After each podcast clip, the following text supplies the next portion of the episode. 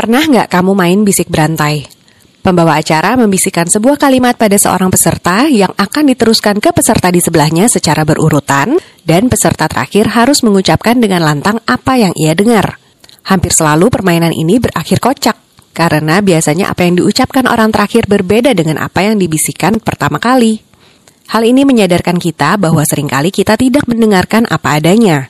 Bisa jadi kita menangkap maksud sebuah kalimat, lalu mengubahnya dengan gaya bahasa kita sendiri atau kita menambahkan satu dua hal, atau bahkan mengurangi kalimat tersebut. Hal ini terjadi karena pikiran kita sudah penuh dan pikiran kita sudah terbiasa untuk meromantisasi sesuatu. Jadi apa yang kita tangkap menyimpang dari makna awal. Dalam kehidupan sehari-hari, hal ini bisa menjadi sumber konflik atau drama yang tidak perlu. Karena itu, penting untuk bisa mendengar hal-hal apa adanya, tanpa kita tambah atau kurangi. Latihannya dengan meditasi kesadaran dan berpikir netral. Yuk, sadar yuk!